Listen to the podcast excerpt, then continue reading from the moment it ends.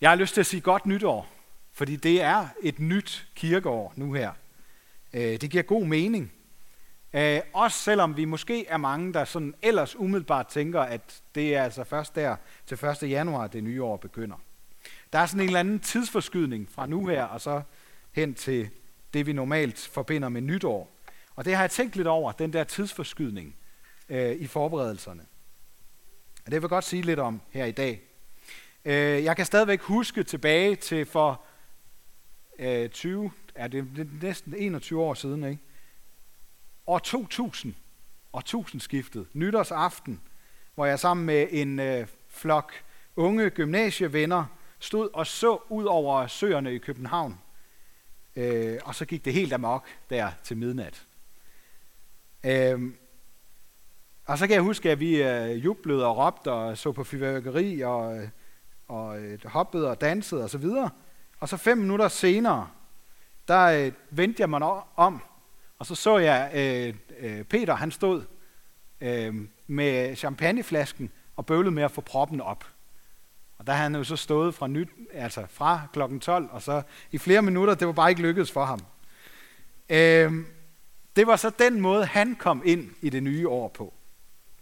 Og det fik mig til at tænke på, at, øh, at sådan er det måske i virkeligheden ofte med jul og nytår for os.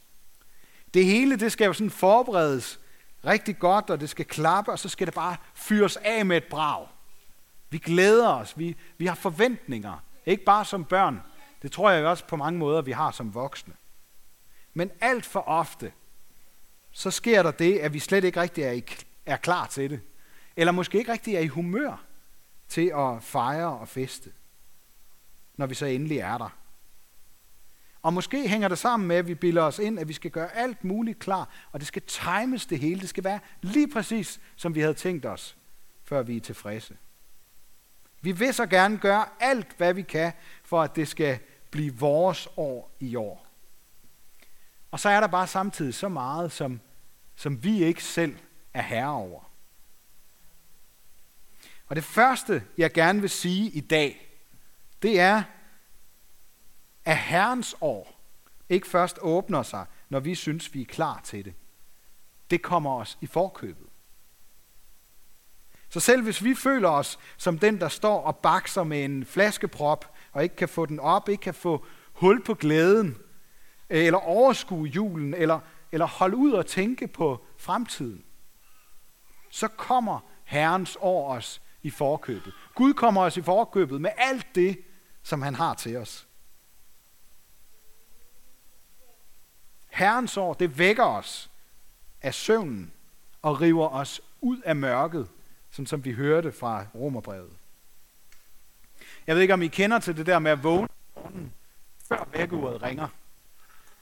Øhm, og så springer man op, fordi man måske er bange for at have sovet over sig, eller eller nogen af os gør det måske simpelthen bare for at undgå at blive vækket.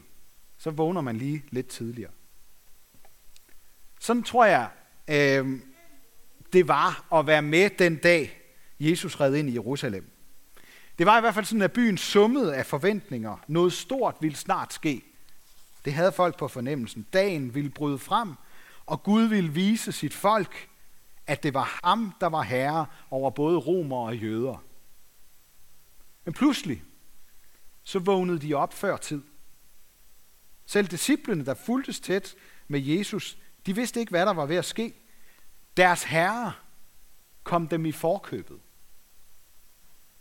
Og da han så bad dem om at hente et æsel og et æselføl hos en fremmed mand, jamen, så gjorde de det bare.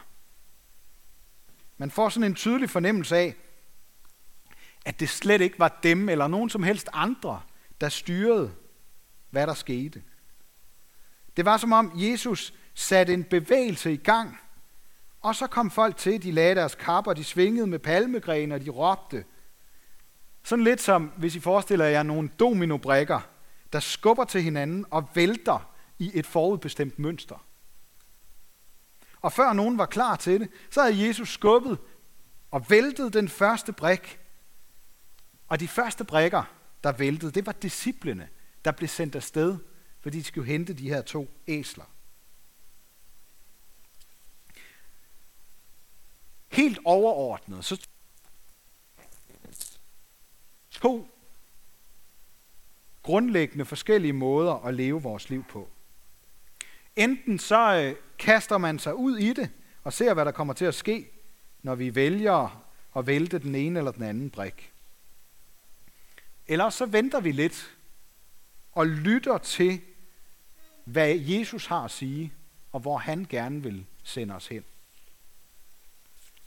Det er en løgn, når nogen mener, at det er skæbnen eller, eller en eller anden form for højere magter, der bestemmer, hvordan vores liv former sig ned til den mindste detalje. Ligesom det også er en blindgyde at tro, at vi selv har indflydelse på alt, hvad der sker. Jeg tror, vi alle sammen befinder os et eller andet sted midt imellem.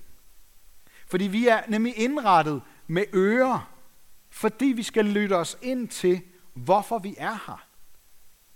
Og så har vi fået fødder, fordi de kan hjælpe os med at føre os i forskellige retninger.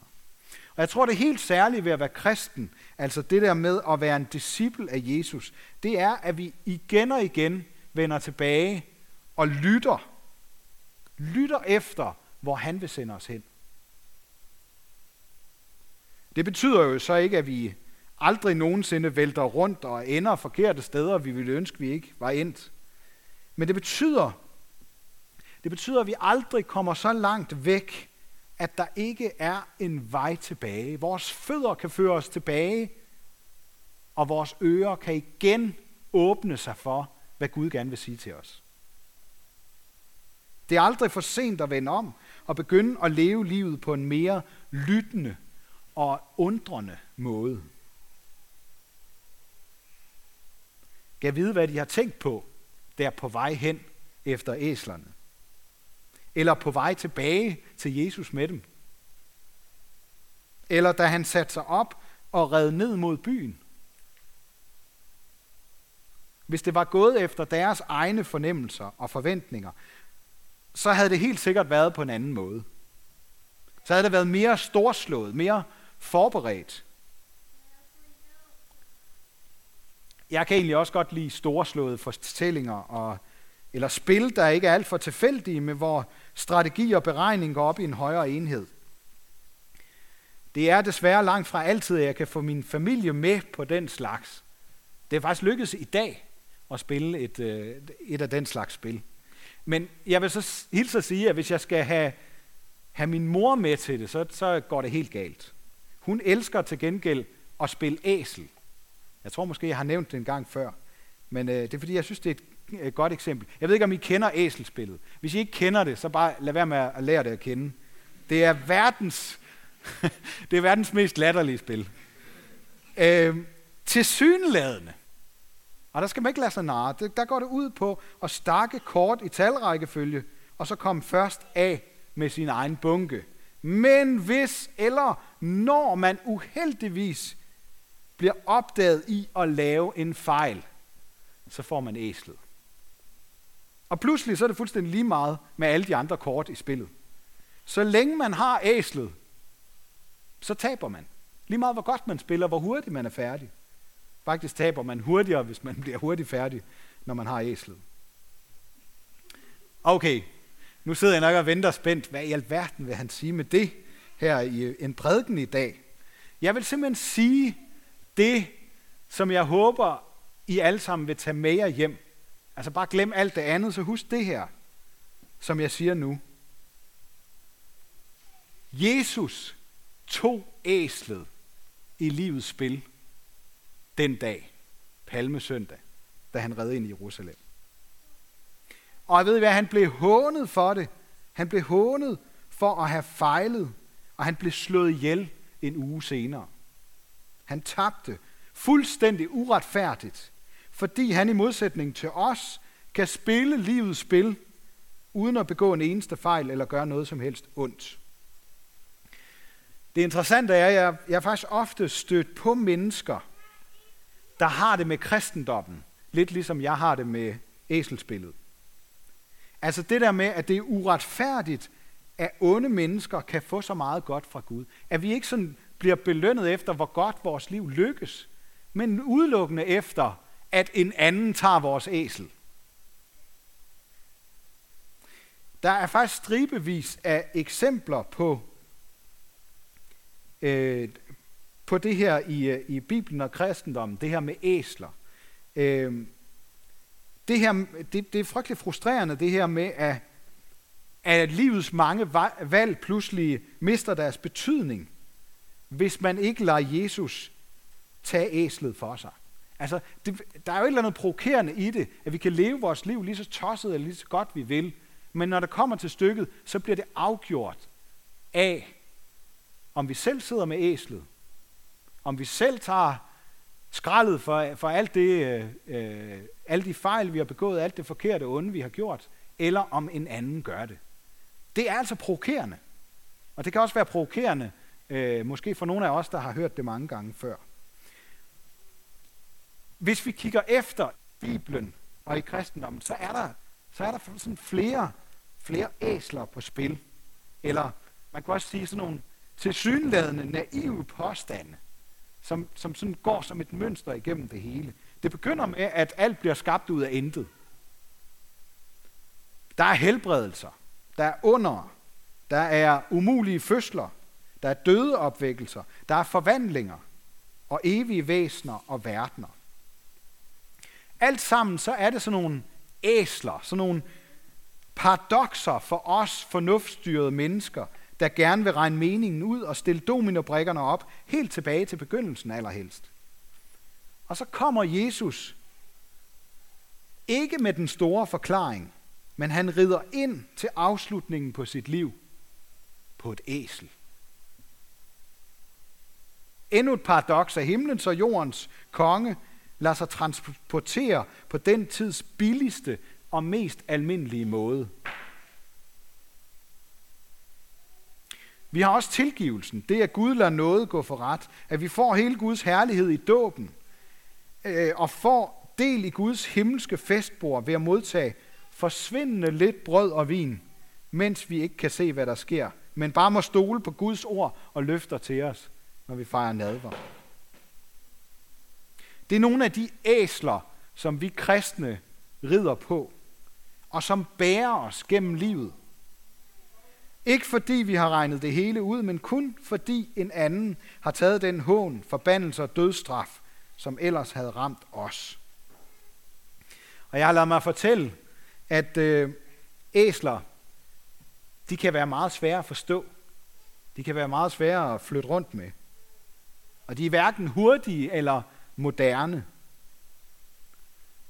Men et æsel, hvad kan det? Det kan bære et menneske. Og kristendommens æsler, det er ikke tilfældige menneskelige påfund, men det er sendt af Gud til os på samme måde, som disciplene fik æslerne. Igen så handler det om, at Jesus kom dem i forkøbet. Og han kommer også i forkøbet gennem dåben og nadvånd. Og disciplene dengang, de gjorde, som Jesus havde bedt dem om. De gjorde præcis, hvad han havde bedt dem om. Det skal vi også gøre i dag. Og da Jesus så satte sig op på æslet, så blev det almindelige trækdyr pludselig forvandlet til et midtpunktet for et festligt optog. Alle endte med at synge Hosianna og synge Velsignet være han, som kommer i Herrens navn. Og hvis I lægger mærke til det, så skal vi også synge det samme lige om lidt. For som æslet bar Jesus ind i byen, sådan kan dåben og nadvånd og Guds tilgivelse bære ham ind i vores hjerter og fremtidsplaner. Vi er stadigvæk frie som mennesker til at lægge dominobrikker for at regne livets årsagssammenhænge ud, lige så tosset vi har lyst til. Og det er også stadigvæk muligt at forsøge, forsøge sig med at leve livet lidt som man spiller æsel. Tag chancen, håb på, man undgår at begå nogen fejl resten af sit liv. Men det er altså først, når vi lader Jesus bære hån, forbandelse og straf, at vi bliver virkelig frie til at leve, som vi er skabt til. Og så vil jeg også gerne lige ind på, inden jeg runder af, at det er det, som Paulus kalder at tage lysets rustning på. Det minder mig om, hvordan vi øh, derhjemme har iklædt vores øh, lille rækkehus i lyskæder, sådan så mørket ikke kommer for tæt på os og påvirker os. Men den her lysets rustning er der noget befriende i, for den kan man hverken købe eller finde eller, eller sætte op. Den er klar. Den kan vi bare tage på. Vi får den helt gratis. Og, og det er den, fordi Jesus har betalt for den, og fordi den er vævet af alt det lys, som han kom til vores jord med. Og hans lys kan vi ikke undvære, fordi det ikke bare holder, på, holder mørket på afstand, men fordi det fordriver mørket. Det skubber simpelthen mørket væk. Mørket er ikke helt så mørkt, der hvor Jesus er.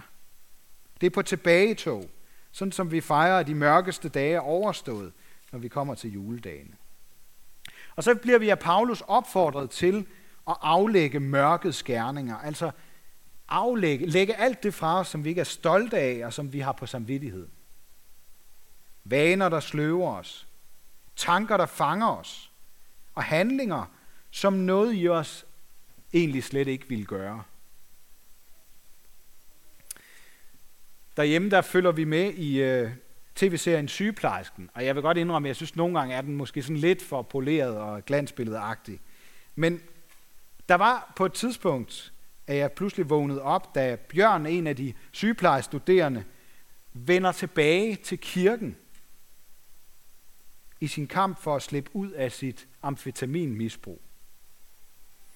Hans misbrug, der gør ham søvnig og syg, og gør ham sådan fuldstændig sanseløs og ude af kontakt med, hvad der sker omkring ham. Den samme virkning, som mørket har på lysets børn, som kristne kaldes i det nye testamente. Og så indser han, at han ikke kan komme ud af det uden hjælp, og så beder han om hjælp. Og det blev for mig et billede på det der med at aflægge mørkets gerninger. Hvad er det, vi skal? Vi kan ikke selv overvinde mørket i os og omkring os, men vi kan lægge det fra os hos Jesus, der til gengæld vil lyse sin velsignelse ind over vores nye år. Jeg hørte også øh, en podcast med Christian Fuglendorf her for nylig, der taler meget sådan humoristisk og, og åbenhjertigt med sin kone om sit hasmisbrug, som han stadigvæk kæmper med ind imellem, falder tilbage i. Og så bliver jeg helt bevæget over at høre, hvordan hans kone var blevet forelsket i ham, mens han var i sit misbrug. Og holdt fast i ham, selvom der gik lang tid, før han kunne sige, at han elskede hende. Og selvom han stadigvæk kan falde i, så er hun hos ham og deres børn. Og det slog mig, at det er jo sådan, Jesus har det med os mennesker. Han kommer os i forkøbet, og han holder os ud, fordi han elsker os. Også selvom vi falder i. Også selvom vi måske ikke lige kan sige, at vi elsker ham. Det kan godt være, at det ikke er hash eller amfetamin, vi er blevet afhængige af. Det kan være, det kan være det er underholdning, adspredelse. Det kan være penge, nydelse, anerkendelse. Det kan være, at vi har problemer med porno eller alkohol. Det kan være alle mulige ting, der sløver os og lægger sig som sådan en mørk dyne over os. Så vi føler os fanget. Jeg tror i virkeligheden dybest set, så er der jo ikke nogen af os, der ønsker, at overfladiske ting skal fylde. Det kommer ofte sådan lige så langsomt, sniger sig ind, så vi først opdager det, når vi er fanget af det. Men det er muligt at aflægge dårlige vaner, tankebaner og handlinger. Og det er det især med hjælp. Så det ikke er det forkerte, der styrer vores valg. Så det år, der ligger foran os, måske bliver bedre, anderledes end det, der ligger bag os. Jeg tror, at der er mange af os, der håber på flere planer. Det er som om, her til allersidst, Jesus i dag vil sige til os, kom med en anden vej. Kom med ind i året og gør det til mit år, i stedet for dit eget. Tænk større om det. Følg efter æslerne. Giv dig selv lov til at undre dig. Følges med andre.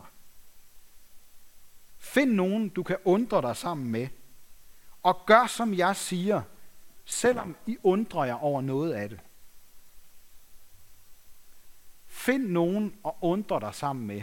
Så har Jesus lovet, så vil han også være med. Altid.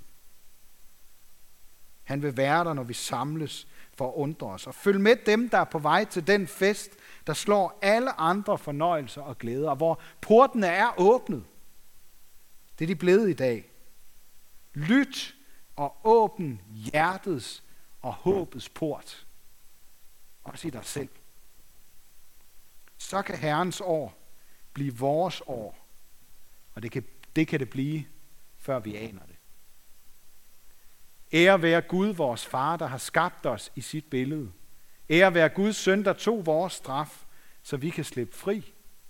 Ære være Helligånden, ham der gør Guds kærlighed levende for os.